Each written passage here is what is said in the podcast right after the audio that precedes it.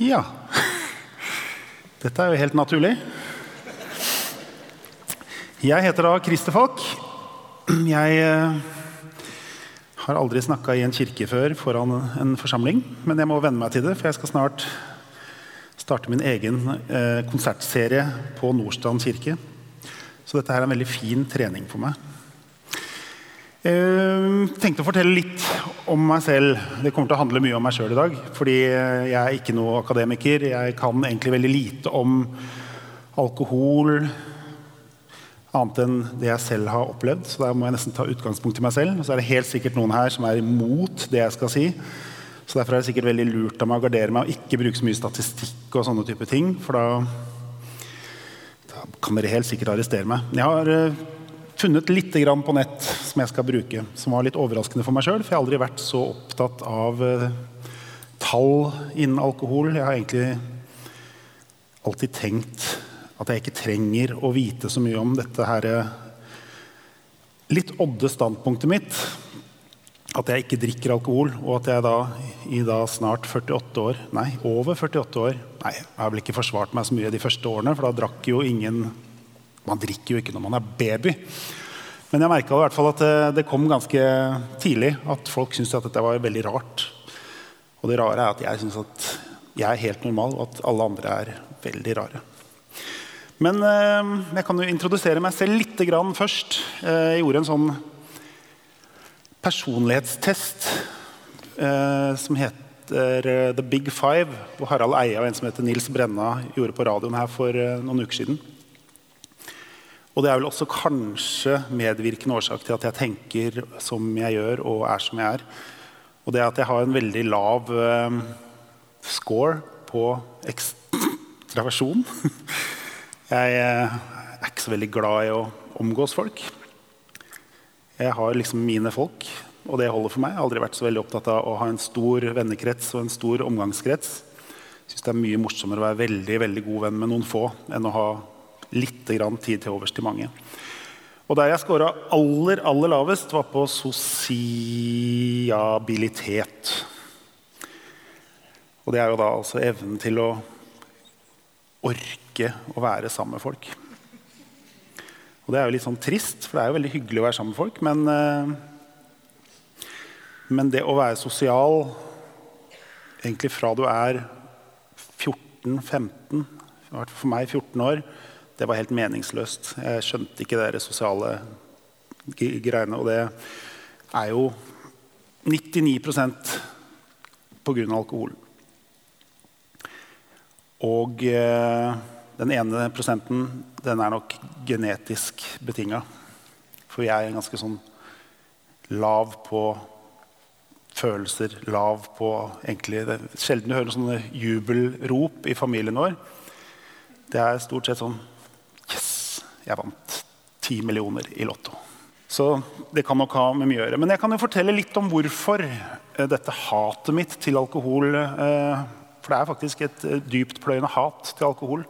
Det er ikke sånn at jeg, er, at jeg bare tenker at ja, ja, det går. Jeg, jeg syns rett og slett at alkohol er roten til så mye vondt, dumt og negativt at, at det har gått fra å være litt sånn åh, slutt å mase. Eller venner som drikker. sånn, åh, Kan du ikke bare roe deg ned? Skal vi ikke ha det hyggelig sammen? Til at jeg rett og slett hater alkohol. Og det er, alkohol er sikkert helt greit fram til et punkt. Og så går det over til fullstendig hat. Man skal ikke hate, i hvert fall ikke i en kirke, men nå gjør jeg det en gang allikevel. Men det begynte mine første minner hvor alkohol ikke var så bra. Og det her er jo en sånn, Jeg er jo oppvokst i en familie hvor det er helt avslappa, normalt forhold til alkohol. Jeg har en far som er eh, en usedvanlig fin pappa. Han eh, drakk vel noen øl, husker jeg, da jeg var liten. Det tenkte jeg ikke over, for han ble aldri en annen person av å drikke alkohol. Så jeg tenkte egentlig ikke så mye over det verken da eller eh, seinere. Han har alltid vært glad i å ta en øl om sommeren, men jeg har aldri sett han i, det minste rusa. Eh, moren min eh, er nok en person som er glad i vin og har masse sånne venninner. Koser seg med vin sammen. Jeg har ennå til gode å se mamma liksom full, men eh, nei, det har jeg ikke. Jeg har, en gang har jeg opplevd mamma full. Og det var da jeg var kanskje en sånn tolv år.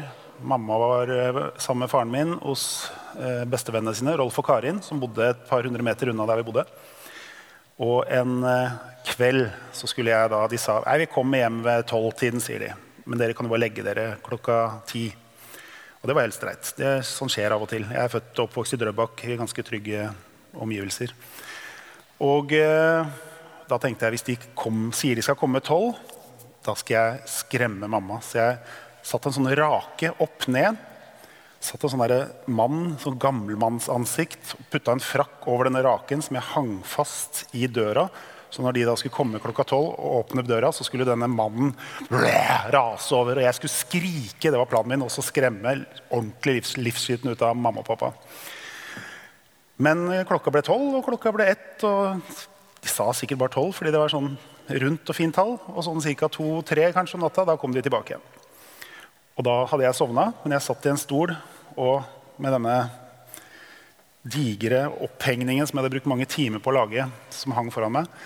Og da husker jeg at mamma kom inn og skreik, selvfølgelig, og jeg ble kjempelykkelig. Jeg våkna av at mamma skreik, så det var bare sånn Yes! Jeg fikk det til. Men da så jeg på en måte at her er et eller annet helt feil og noe som ikke stemmer. For hun hadde helt sånn slørete blikk. Så tenkte jeg vel egentlig ikke noe annet enn at æsj, så ubehagelig å se et menneske du har oppvokst med i så mange år, som du kjenner så godt, som på en måte er noe annet enn det jeg er vant til å se. Og jeg trodde kanskje at det var fordi at jeg skremte henne så mye at hun hadde fått noe sånn rart i ansiktet, men det var rett og slett bare god dag rotpløyte, eller hva det heter for noe, som da mamma opplevde. Og pappa like cool ved siden av. Han er sånn som ikke bryr seg så mye. Og heller ikke lar sånne ting eh, påvirke ham. For jeg tror han tåler alkohol på en helt annen måte. Men det var i hvert fall sånn skuffelse, tenkte jeg. Å se mamma faktisk så full at hun la seg og snøvla et eller annet og la seg sove. Ikke noe sånn stor krise. Jeg tror nok alle har opplevd det en eller annen gang i, i livet. Men det som kanskje var med på å ødelegge litt for alkoholting, var uh, Vi hadde en sånn slags onkel. Han lever dessverre ikke lenger. Veldig søt fyr. Bestekameraten til faren min. Uh, faren min hadde veldig mye kompiser som var litt sånn ute og hadde rota det til for seg. Og han var vel en av de som hadde rota det mest til for seg. Han uh, var kokk når han ikke drakk. Og han var ofte på besøk, og vi skjønte jo at han var uh, litt over gjennomsnittet tørst. Selv om mamma og pappa aldri brukte ordet alkoholiker, så var det liksom ikke noe særlig tvil om at onkel Tony, som vi kalte den, var ordentlig ute å kjøre.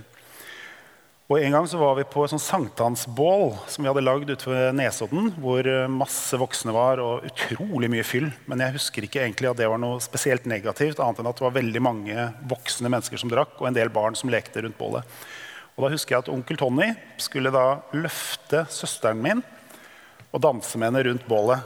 Og han greide å snuble og nesten gjøre så søsteren min datt i uh, ilden. Det var ikke noe farlig, ikke noe krise. Hun grein selvfølgelig fordi hun ble redd. Men da tenkte jeg det her er ikke kult. Alkohol kan ikke være bra. Jeg kan ikke ha vært med en sånn seks-sju år. eller noe sånt nå. Jeg tenkte bare, Det her bare ga meg en sånn utrolig negativ eh, eim. Utrolig mye negativitet forbundet med noe som skal være hyggelig, som alle drev med. Alle holdt på med det samme. Og jeg tenkte Skjønte det ikke. Jeg skjønte det ikke da, jeg skjønner det ikke nå. Ehm, jeg tenker jo dette med å være barn og vokse opp med alkohol. Enten det er i store former eller mindre former, eller noen dråper eller glass her og der, eller om det er ordentlig fyll, så tenker jeg det å være et lite barn som skal da analysere det de ser, det er ganske sært, tenker jeg. At mor og far drikker, og så får de beskjed om at dette her må du ikke røre. Dette her er farlig, har jeg hørt at det er av voksne. Dette er ikke bra for deg. Ulovlig. Du kan ikke lov å gjøre det før du er 18 år. Masse sånne ting, så tenker jeg, Alt det der høres jo utrolig spennende ut. Eller livsfarlig, liksom. Men det er liksom ikke noe sånn dette er spennende å prøve. Det er ikke noe sånt, Du tenker bare Wow, er det så mye forbundet eh, med dette her, drikkevannet som er i glassene deres? Hvor de da plutselig går fra å være helt vanlige til du kommer over den første delen hvor du ser at det begynner å bli litt god stemning. Ofte blir det. Folk ler litt oftere, kanskje av uh, ting som ikke er så morsomme. Men de ler allikevel, og så må man sitte og analysere det. at det var da vel ikke så gøy. Sitter der i fullt alvor. Jeg var en veldig sånn analytisk liten gutt. Satt stort sett alltid og tenkte hva er, de, hva er, det som er så uhorvelig morsomt med dette? her? Siden alle ler, og en som kommer med en litt sånn dårlig blødme, og så ler folk sånn. Ikke bare sånn, sånn som vanlige folk gjør, men ja, det er sånn fra magen, og de skriker av latter. Og jeg bare Hva er dette her for noe? Og det er vel også kanskje det som var grunnen til at jeg bestemte meg. Jeg hadde én opplevelse som gjorde at jeg bestemte meg at dette her skal jeg aldri prøve. Og på ungdomsskolen så var jeg badmintonspiller. Jeg skulle bli norgesmester i badminton. Av alle sporter. Jeg begynte med fotball, men jeg var for dårlig, så jeg måtte finne en sport som ingen eh, brydde seg om. For da kunne jeg hevde meg. Så da fant jeg plutselig ut at badminton det er tingen. Faren min spilte badminton. Jeg var med på masse badmintontreninger og ble klubbmester i løpet av ett år. Og to år så ble jeg plutselig på kretsmesterlaget, eller kretslaget, og så begynte jeg å virkelig snuse på, på, på en måte høyere divisjonsspill i førstedivisjon og sånt noe. Og mens jeg da hver eneste helg var på badminton-turneringer for det var faktisk turneringer hver eneste helg hele året, bortsett fra jula og sommerferien, da var det plutselig en frihelg. Jeg var i åttende klasse, og jeg husker at jeg skulle på min første klassefest. Og dette var jo da klassefest som eh, de hadde kanskje hatt seks-sju stykker av. En som het Henning, som alltid hadde huset åpent, og foreldrene var på hytta. Som eh, var liksom hovedsetet for festivitasen i åttende klasse. Og da var det altså noen i klassen som hadde begynt å smugle med seg litt miniatyrflasker med Smirnoff og sånne type ting som sto i barskapet rundt omkring. Og jeg husker at jeg kom glad og fornøyd. tenkte nå skal jeg på min første klassefest. Til og med jeg var litt forelska i der. tenkte jeg er jo 15 år, det må jo være mulig å prøve seg. Og jeg kom inn litt seinere enn de andre. Kanskje klokka åtte, tenker jeg. For det er jo da festene begynte. Eh, litt før, sikkert. Og så at en i klassen min, som er altså I løpet av de åtte årene jeg da hadde gått på skolen, så har jeg aldri møtt en kjedeligere person i hele mitt liv sånn, sånn oppsiktsvekkende kjedelig person. Som, det er sånn Guinness rekordbok-kjedelig. Som sto og underholdt med noen Monty Python-sketsjer som alle hadde sett 100 ganger før.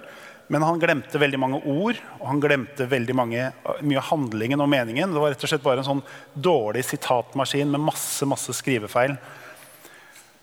Og folk lo. Og folk lo så de grein av denne fyren som sto og var så dørgende kjedelig.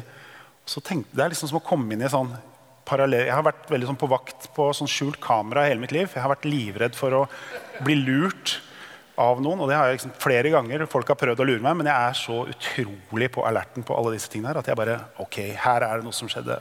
Dette, og så ser jeg rundt, og så er det enten ikke et kamera, og da er jeg lykkelig, eller så ser jeg noe bak noen gardiner som ser ut som et kamera. Men jeg vært veldig opptatt av å ikke bli lurt i mitt liv som jeg skal også komme tilbake til. Det handler om kontrollbehov, tror jeg.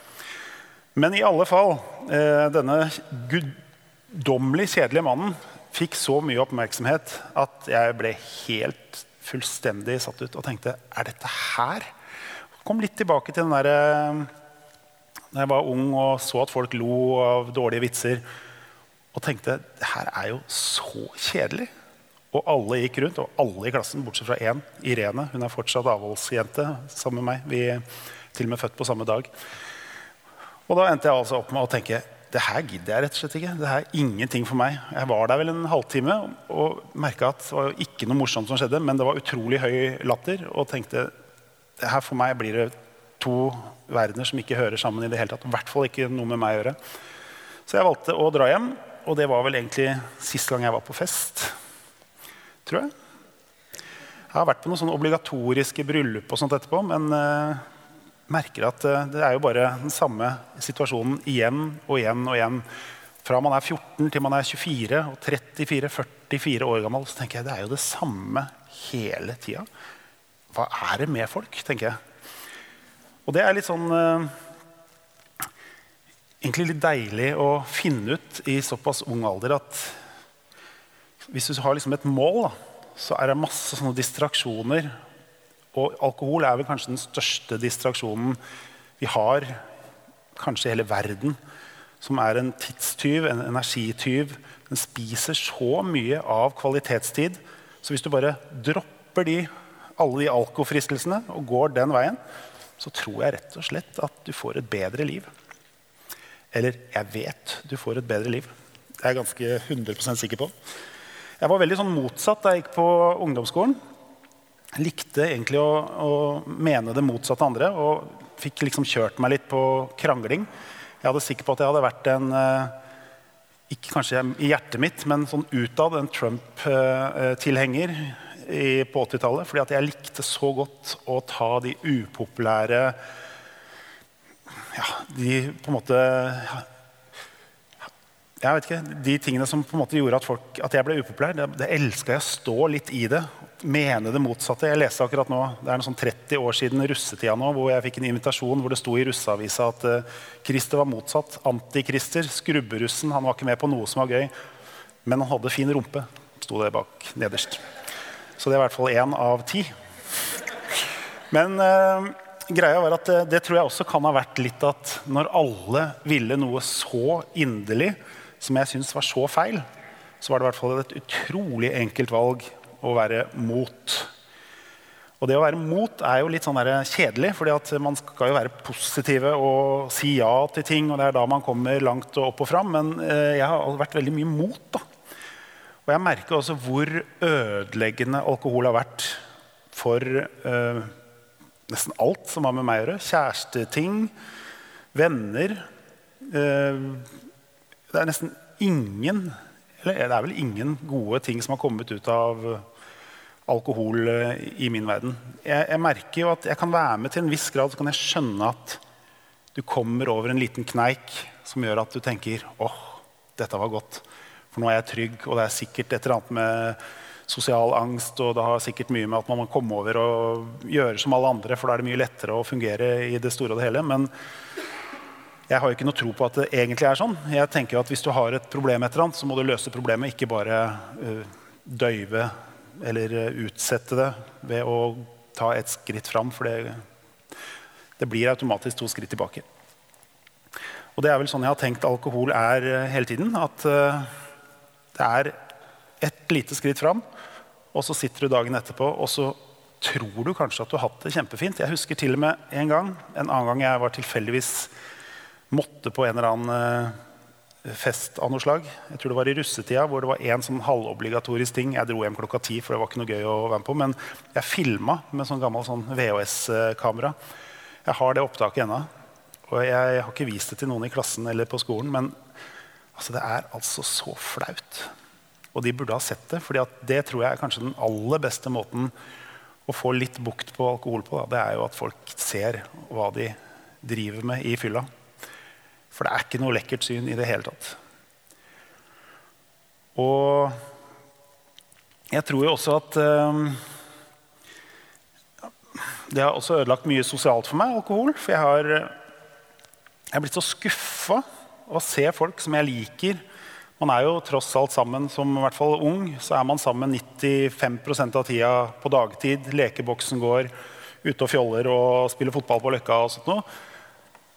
Og da har du liksom et sånn inntrykk av hvordan de er. Du veit hvor du har de. Alle disse tingene her, Som også sikkert bunner og grunner at jeg har et litt over gjennomsnittet stort kontrollbehov. Men samtidig så er det det at det ødelegger så enormt mye når du da ser folk er helt ute av seg sjøl og på en måte skifter fullstendig eh, personlighet. Og det er jo det alkohol gjør når det går over den magiske grensa.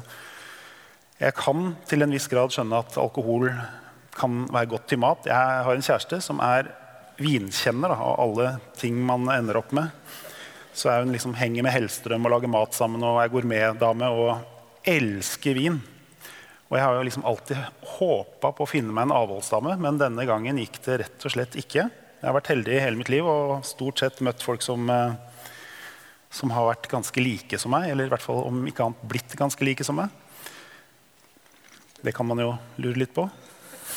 Kanskje ikke det er så sunt, men uh, i hvert fall de fleste har uh, syntes det har vært en fin ting å slippe dette presset. For det er jo det presset som er det som ødelegger. Det er at uh, det er nesten helt umulig for ungdom og unger å si fra at dette her er ikke kult. Jeg har gjort en del sånn forebyggende arbeid hvis man skal kalle det det, på Vestby videregående skole.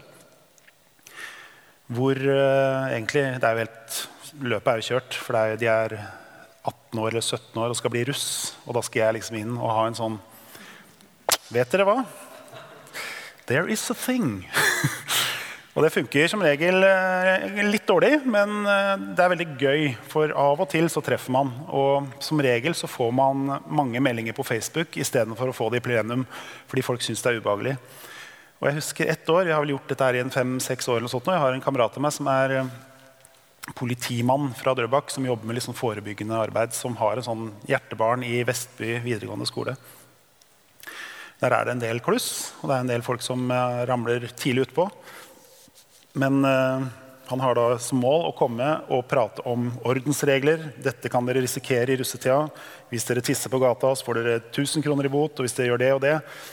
Og da er jo da planen at jeg skal da være en sånn som kommer inn litt fra sidelinja. Og så skal jeg fortelle om alle lovbruddene jeg har gjort, sånn at jeg liksom da skal være litt sånn kul blant 17-18-åringene.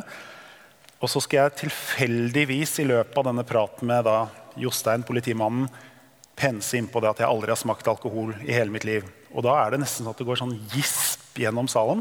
Og da, i begynnelsen trodde vi at han skulle, politimannen da måtte si hva? Har du aldri smakt alkohol, Christer? Og så skal jeg begynne å prate om det. Men det kommer sånn automatisk fra 20 stykker i salen. Aldri! Har du aldri smakt? Nei, jeg har aldri smakt alkohol i hele mitt liv. Og så får de ikke det til å stemme, og så blir jo resten av denne skoleklassen eller skoletimen handler om hvordan det går an å drive med den slags. Og jeg blir jo da veldig overraska over at jeg må forsvare meg for det er helt absurd at jeg som ikke drikker alkohol, som ikke går rundt og forteller Monty Python-vitser feil, og som går rundt og lukter vondt og har slørete blikk og ler på feil steder det er, liksom, det er bare negativitet. Og så sitter jeg og føler at jeg må forsvare meg. Og det er en ganske deilig situasjon å være i.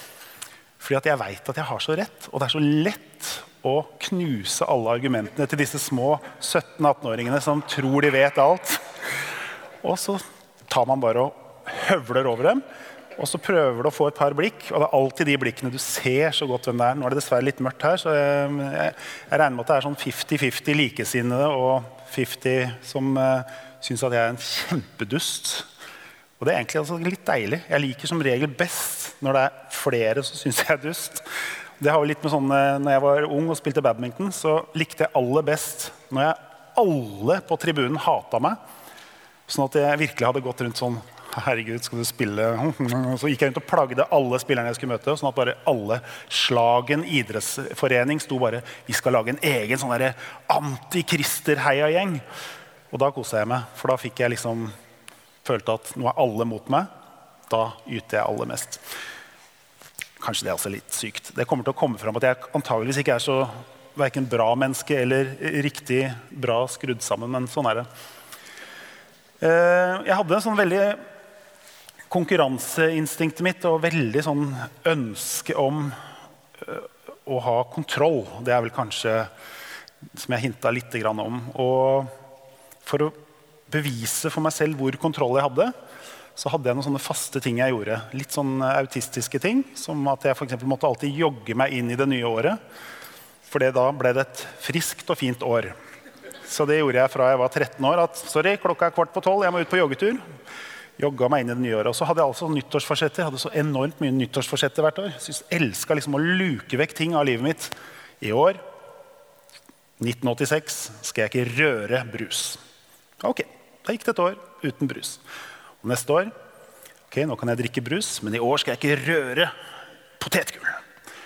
Og så hadde jeg hvert år hvor jeg luka vekk en ting egentlig mest fordi det var så gøy å se om det gikk. Og tenkte at når kroppen vil et eller annet, at hjernen sier nei, eller omvendt. Eller hvis hjernen vil et eller annet, så skal jeg liksom stoppe det uansett. Da. Og det har vel en sånn derre Jeg tror mye av disse tingene vi ender opp med her i dag, handler om kontroll. Et ønske om kontroll. Skummelt. Men eh, det var i hvert fall det at alkohol var vel den ene tingen som var det, det var kanskje det letteste av alt i hele verden å, å, si nei til. For jeg har aldri hatt lyst, aldri hatt et ønske om å være sånn som de andre. Spesielt eh, etter å ha sett liksom her og der. Jeg kom jo tidlig inn i platebransjen. Da, av alle jobber man kan velge. Så ender jeg opp da å jobbe med artister, managere og bookingagenter og det, det, er så mye alkohol i platebransjen at det er helt komisk. Jeg tror jeg har møtt kanskje tre eller fire avholdsfolk jeg, i Musikk-Norge noen gang. Og det var helt sånn der, wow, Vi ser på hverandre og blomstrer. Det er nesten helt fantastisk. Og det er jo øh, kanskje også grunnen til at man uh, har valgt å bli. Det er at uh, man føler seg rett og slett litt bedre etter en, en helg, bylarmhelg f.eks. Hvis man har vært og sett ti band, så setter man seg på trikken hjem til Nordstrand og tenker åh, jeg er et så mye bedre menneske enn de folka på Bylarm. Kanskje det er en sånn selvhevdelsesgreie. Det er litt deilig å bare komme over en sånn Fordi du ser så mye lort at du blir bare sånn derre Nei, dette går ikke lenger. Og det verste er liksom at kvaliteten på konsertene blir også dårligere pga. alkohol. For det er alltid noen som skal snakke og skravle. Og jeg som er er liksom, musikk er min greie. Det er det jeg brenner mest for. Og jeg har vært på konserter. Jeg husker jeg var og så en tunisisk odist som spilte på eh, Kosmopolit. Det var sånn på begynnelsen av 90-tallet. Og det var helt magisk. Det var helt stille i salen. Det er det tristeste og vakreste jeg har hørt i hele mitt liv. Mens han satt og spilte på en sånn enstrenga od. Og så plutselig så hører jeg bare sånn smell bak, og så kommer det, ramler det to fulle menn inn. Og fra det øyeblikket, kanskje en av de største musikalske opplevelsene mine, til å bli kanskje det verste musikalske opplevelsen jeg har hatt, fordi det ødela og tok rett og slett brodden av alt som var vakkert. Og det var sånn jeg tenkte Dere har betalt 320 kroner per person for å komme riv Hva heter det for noe? Riv, nei, riv raskende. Det var noe annet. Et eller annet. Jeg er ikke inn i den fyllesjargongen, sorry. Men eh, de var i hvert fall helt fordreid av fyll. Da. De kom inn og ødela konserten for de 200 menneskene som var der. Så det er liksom Jeg syns det er så rart egentlig at jeg har blitt invitert hit for å snakke om noe som jeg syns er så opplagt og så utrolig Det burde vært andre som skulle stått her og egentlig forsvart seg. For det er sånn jeg tenker hver gang noen spør meg Hvorfor drikker du ikke? Og det spørsmålet tror jeg kanskje jeg har fått noe sånt som 100 000 ganger. Det er sånn det. Hvorfor hopper du ikke ned med hodet først fra broa i steinrøysa? Hm. Det er for meg sånn helt ulogisk. Da. Det er sånn der, hvorfor jeg ikke drikker? Nei, se på blikket ditt. Gå og se deg i speilet, så kan du lure fælt på hvorfor jeg ikke drikker alkohol. Det er jo for meg er det så logisk og så naturlig at uh, jeg skjønner ikke hvordan et sånt spørsmål kan stilles. i det hele tatt. Jeg husker i begynnelsen, uh, eh, 14-15-16-årsalderen, da var jeg nok ikke så kjepphøy som det jeg gir inntrykk av å være nå. Men jeg merker at jeg husker jeg, jeg syntes det var et sånn slitsomt spørsmål. Hvis jeg måtte være et sted, skulle ut og spise pizza med noen kompiser, eller noe sånt, så var det liksom om å bli full fortest mulig. Og jeg var hjemme stort sett før uh, siste pizzaslicen var fortært. Men da husker jeg at uh, hver gang vi møtte nye mennesker, så var det sånn Hvorfor drikker du ikke? Nei, uh, jeg bare drikker ikke. Og jeg kunne ikke si jeg ikke likte det, for jeg har aldri smakt det. Og da ble det sånn Ja, men du må jo prøve, da. Jeg sa, må jeg prøve? ok, ja, Det er jo ingenting som tilsier at jeg må prøve noen verdens ting som helst. fordi at det her er jo resultatet. Så jeg hadde liksom sånn greie hvor jeg, Hvordan skal jeg komme meg unna? Jeg synes det var slitsomt. Jeg hadde bare lyst til å prate med folk. Jeg, jeg liksom, de få gangene jeg var sosial, så hadde jeg lyst til å bruke den tida på noe hyggelig. Jeg synes ikke det var noe hyggelig å sitte der og at folk snakker altfor høyt. Og dessuten så får folk mye dårligere musikksmak når de drikker. For, humoren blir dårligere. Alt blir jo dårligere et eller annet med sanseinntrykkene gjør at ah, vi er fornøyd med dette her. Vi. Så går de ned dit, og så forventer de seg at jeg som er her, Skal ned dit med de? Det er jo helt sjukt, tenkte jeg. Så jeg hadde en sånn greie hvor jeg ja, nei, begynte med sånn Nei, uff, nei. Så var du 16 år, så du kunne ikke si at du kjørte. Så da ble jeg sånn Nei, jeg, nei, jeg bare liker å ha hodet klart. Ja. Jeg, og da plutselig ble det en sånn flokk rundt meg. Hva? Liker du å ha hodet klart? Ja, dette er jo veldig logiske ting. Hvorfor, hvorfor kan dere ikke snakke med de andre? Og jeg begynte til slutt med at det ble så mye mas at jeg hadde sånn Nei, faren min drakk seg i hjel. Så sånn er det med den saken, og da ble de jo stille. da. Eller så kunne man selvfølgelig skylde på religion, men da ble det også veldig spennende. For det var også litt sånn ustilig i Drøbak å være veldig religiøs. For da ble det sånn Oi, når ble du frelst? Så jeg kom meg liksom aldri helt ut av den derre um, hvor jeg skulle gå. på en måte. Og så var det sånn, Hva skal man kalle seg for noe? Er jeg avholds, avholdsmenneske? Avhold er noe jeg liksom forbinder litt med sånn, også sånn kirka og kristendom. Nei, da har du bestemt deg, gjort opp. Det er litt sånn piestetisk Nei. Ja. Pietistisk. Åh, dette blir podkast. Kan du slette det at jeg ikke Ok, vi får leve med det.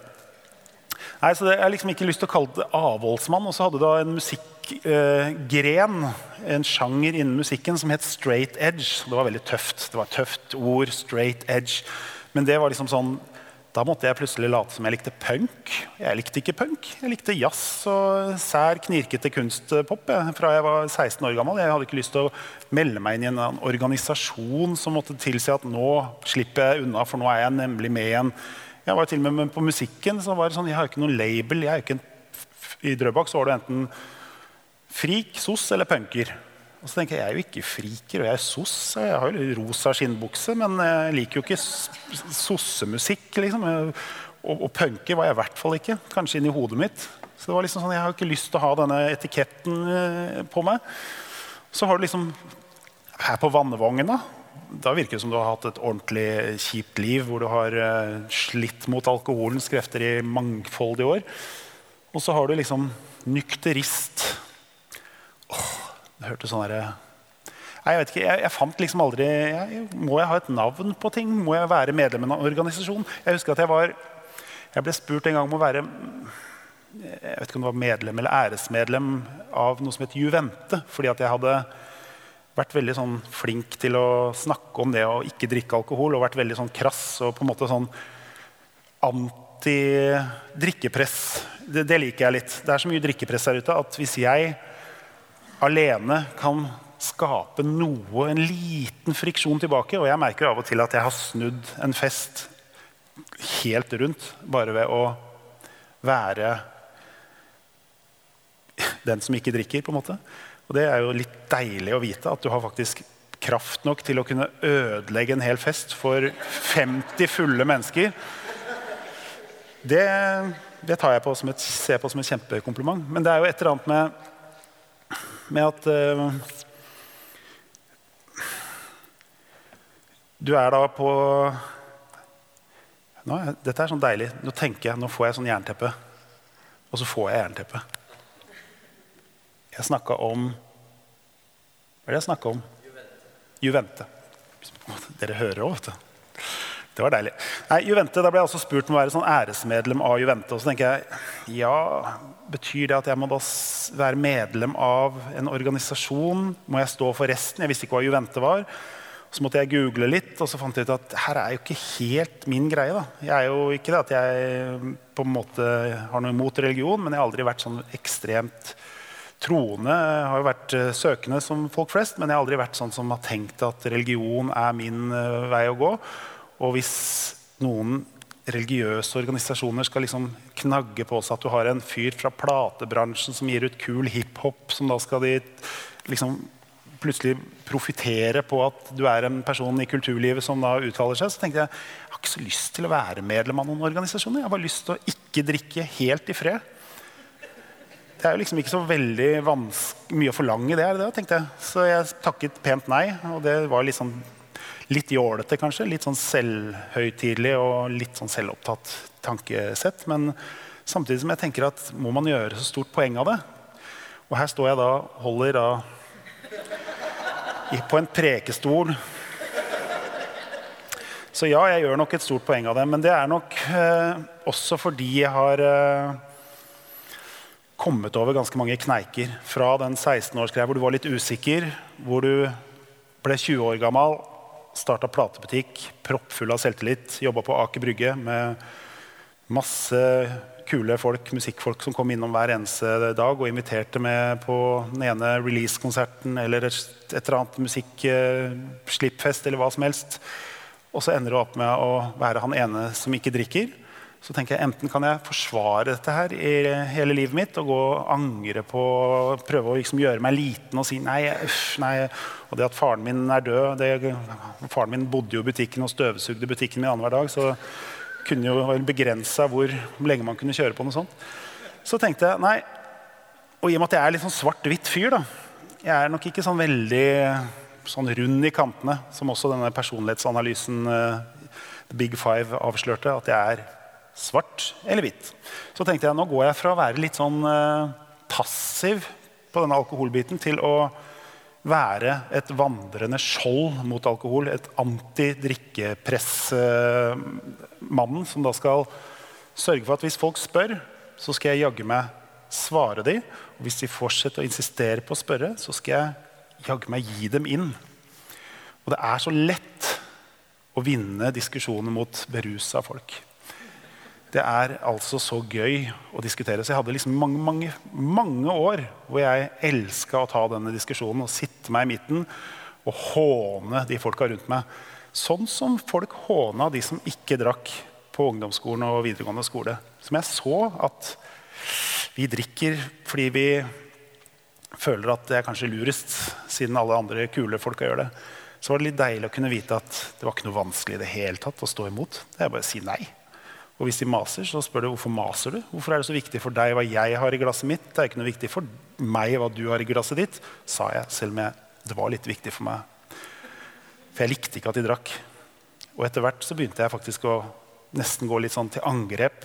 Og det som er litt fint, da, etter at jeg var med på Robinson-ekspedisjonen i 1999, så kunne man flashe i mye større grad meningene sine. For da var også en av grunnene til at jeg ble med på Robinson. For de syntes det var for sjukt å vite at det fantes en avholdsmann som var i tillegg litt sånn militant avholdsmann, som drev en kul platebutikk på Aker Brygge. Det var en sånn bra kombo. Vi ser alltid etter litt sånn rare, odde ting som i tillegg var konfronterende og nedlatende og litt ubehagelig. Det fikk jeg vite av hun som kasta meg. Du var altså så ubehagelig, sa de, at vi måtte bare ha deg med for å se hva som skjedde. Og så Ubehagelig er ikke noe hyggelig, men jeg tok det som et kjempekompliment. Ja. Som også er kanskje litt sykt, men ok, sånn er det blitt.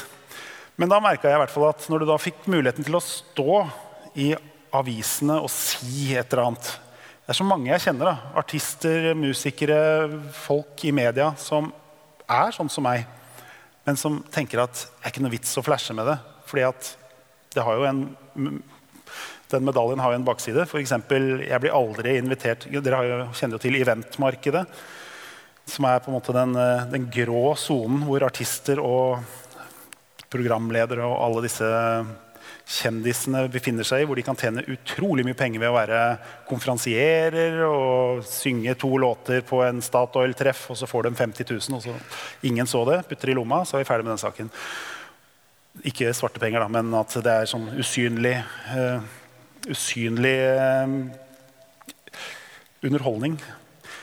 Men greia er at det er jo ingen som vil ha meg på et julebord når de vet akkurat hva jeg syns om Ja, skål, da, alle sammen! Svin!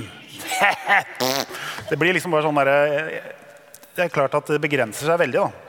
Og det er jo også litt det at det er faktisk så fordel å drikke alkohol fordi du kommer inn, og det er så utrolig sånn limet i alle situasjoner. Det er så mange fordeler du oppnår da, ved å ta denne ølen din, og så sitter du der med ølen, og noen heller den ut som ikke vil drikke. Andre tenker at faderen, ja, ja, jeg tar og drikker veldig sakte. Så er det noen som sikkert selvfølgelig elsker det overalt i verden. Men greia er at eh, ved å være liksom han plagsomme fyren, så har jeg i hvert fall i det minste jeg vet Det høres sånn klisjé ut, jo sånn man sier at hvis bare én person gjør som jeg sier, så er det verdt det. Og det er litt sånn jeg faktisk tenker. Så nå er jeg i tillegg til å være litt sånn uh, sterk kontrollbehov, alle disse andre dårlige egenskapene, så er jeg også i tillegg full av klisjeer. Så jeg kommer nok ikke så godt ut av dette, her nå, merker jeg. Men i, i, hvert fall når jeg begynte på Robinson uh, Først var jeg med. For det første, jeg må bare nevne det med Robinson. Uh, som var på en måte starten på min offentlige karriere. Det å være 60 dager på en øde øy med mennesker som ikke drikker alkohol, på 60 dager, som aldri har på en måte hatt 60 dager i sitt liv hvor de har vært så langt unna alkohol, det gjør så mye med disse menneskene. Og For meg var det en sånn 100% drømmesituasjon. Jeg kommer ned på en øde øy og tenker vi skal være her. Alt fra tre til 60 dager. Jeg skal bruke alle de triksa, sosiale triksa og alt jeg har lært i løpet av disse årene, hvor jeg har stått og håna folk som ikke vet at de blir håna når de drikker. Jeg har liksom lært meg alle disse kjennetegnene, sosiale kodene, hva man kan si, hva man ikke kan si. Og så viser det seg at folk syns det er litt deilig. vet du.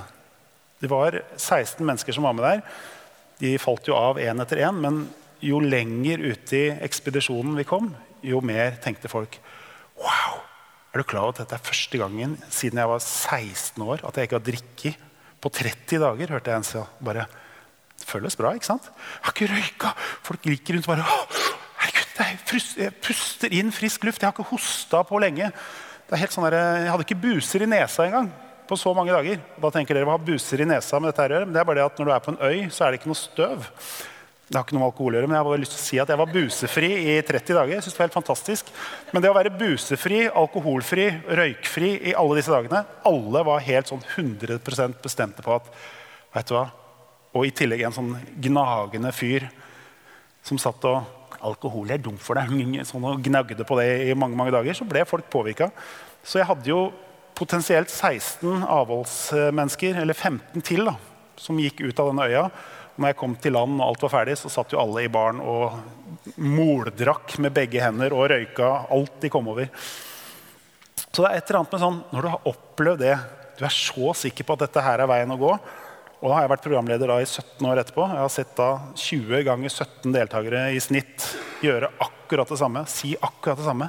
Wow, fantastisk! Det er en naturopplevelse. Jeg skal bare gå i skauen, jeg skal gå på fjell og jeg skal begynne et nytt og bedre liv. Og så ender man opp i dette sporet som også er for meg helt sånn Det, det er null Nei, vi har ett unntak. Det er én som har blitt sånn 100 etter uh, Robinson.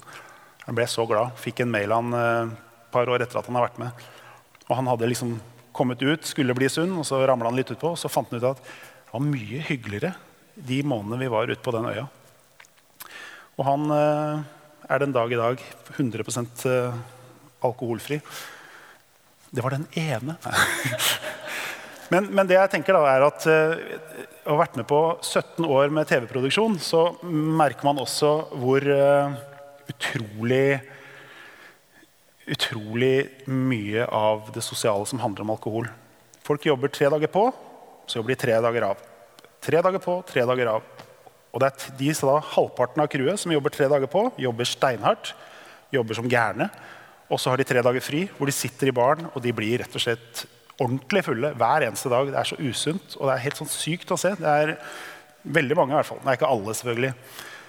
Men vi merka også det at produsenter og redaktører var sånn Nå har de jobba skikkelig hardt i dag der ute. De har vært Reporterne og foto og kamera og lyd og alt mulig har vært ute på øya i så mange eh, timer.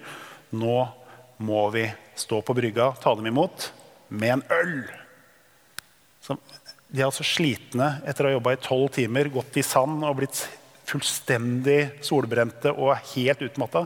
Og der skal vi stå med en øl. Og det må de få, for det er liksom ikke noe alternativ. Og Sånn var det i mange mange år. Det sto en sånn velkomstkomité og klappa når båtene kom, for de har vært kjempeflinke. Selvfølgelig litt for å motivere det også, men da tenker jeg er det belønning? Liksom? Det er jo en straff. Du skal opp morgenen etterpå, du tar en øl. Du har sikkert ikke lyst på den, kanskje noen hadde lyst på den, men det er mange i hvert fall jeg har med, som ikke hadde lyst på den ølen. Og da tenkte jeg det er jo bare å i hvert fall gi dem et alternativ. Her har vi en øl. Her har vi en Perrier. Hva vil du ha? Og da begynte de. Og da så jeg hvor mange som tok Perrieren. Fordi det er naturlig etter en dag.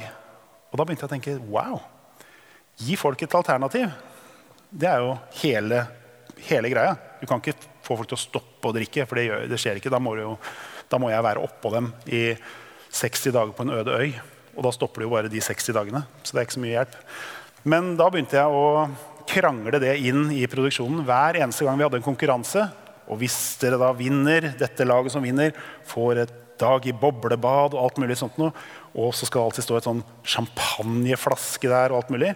Og da krangla jeg inn ikke bare champagne. Der skal det være mer. Der skal det også være vann og mineralvann. For jeg vet hvordan den følelsen er å være ute på denne øya og, og få i seg å være frisk og sunn og ren i over så lang tid. Så husker jeg En av konkurransene så hadde da en av de nye redaktørene, som for øvrig er en av mine bestevenner, og jeg plagde den så mye, for de hadde glemt å ta med seg standsmessig for den champagneflaska skulle se så fin ut, så slang de oppi en vannflaske fordi at jeg hadde kranglet, Og sa nei, vi skal ha Perrier, det skal se like fancy ut. Det skal ikke være sånn at man skal velge den. Ja, men vi har ikke tid til det nå, Christer. Det står ti stykker i kamera og filmer. og alt dette skal være konkurranse. Så jeg kommer ikke til å stå og si at her har dere premien. En stygg flaske med vann eller en flott flaske med Magnum champagne. Så jeg nekta å gjøre scenen. Og det sto altså et ka kameracrew på ti svensker. Svær buss med fullt av kamera. Og det satt folk Men hva faen gjør med han nordmannen? Er han idiot? fikk jeg bare beskjed om. Ja, det er jeg. Jeg er en jetteidiot. Det ble ordentlig sånn der, Dette her er så prinsipp eh, for meg. Og da rakk vi ikke tilbake eh, for å gjøre og det var på en annen øy, så de måtte egentlig kjøre tilbake og så tilbake med denne vannet. Og da hadde sola gått ned, og så hadde det ikke gått. Så nei, da blir det ikke noe intro. Da lager vi introen i morgen istedenfor. Jeg skal ha den champagneflaska. Vi skal fake dette bildet med den champagneflaska for at det skal se ekte ut. Dagen etterpå, på fridagen til han ene fyren, fridagen til produsenten, fridagen til lydmannen, måtte vi da kjøre en egen båt, bruke fem timer av livet vårt på at jeg skulle si og premien i dag er drikke. Her kan dere velge mellom champagne eller Perrier med et litt større smil. Og mat og masse ting. I hvert fall masse god mat der.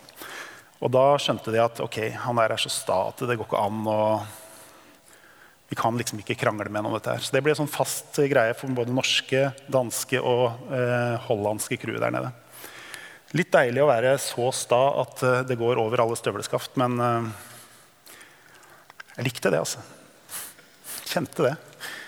Skal vi se, Nå eh, gikk tiden litt fortere enn jeg trodde. her. Jeg hadde egentlig ganske mye. Men nå er jeg vel eh, bare noen få minutter igjen. Um, husker et av de største komplimentene jeg har fått noen gang. Det var faren min som sa til meg for uh, to år siden eller sånt, at Vet du hva, Christer? Jeg tror jeg bare skal bli sånn som deg. Jeg. Han hadde drikket den ølen sin i varmen i sola.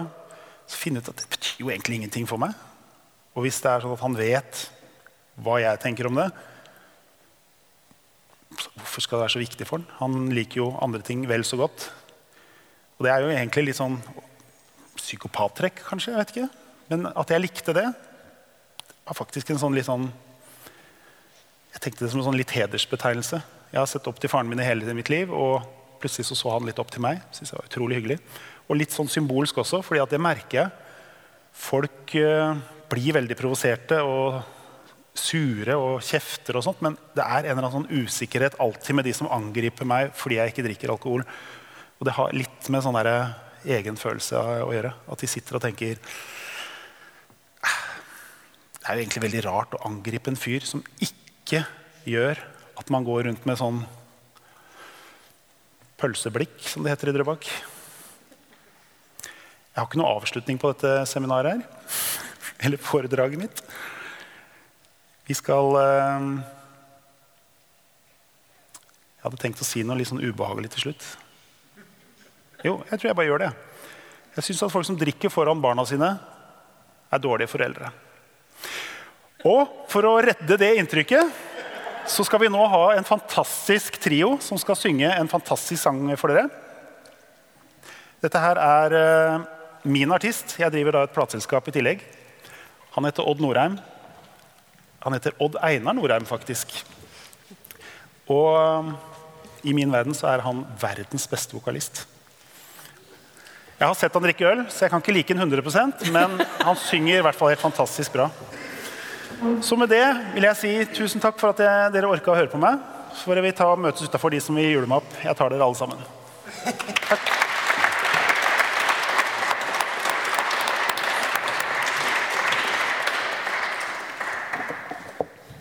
Jeg skal ikke ta munnen for full og, love Christer noe som helst i forhold til mitt alkoholkonsum i fremtiden, men eh, vi får se. Eh, jeg har fått ære av å avslutte det her med en, eh, en låt jeg har skrevet sjøl. Jeg har skrevet den sammen med en sambygding fra Årdal i Sogn og Fjordane som heter Frode Aga. Vi skrev den som en reaksjon på eh, Columbine-tragedien i sin tid. Dessverre så er ikke låta blitt noe særlig mindre aktuell. Men den heter Monster.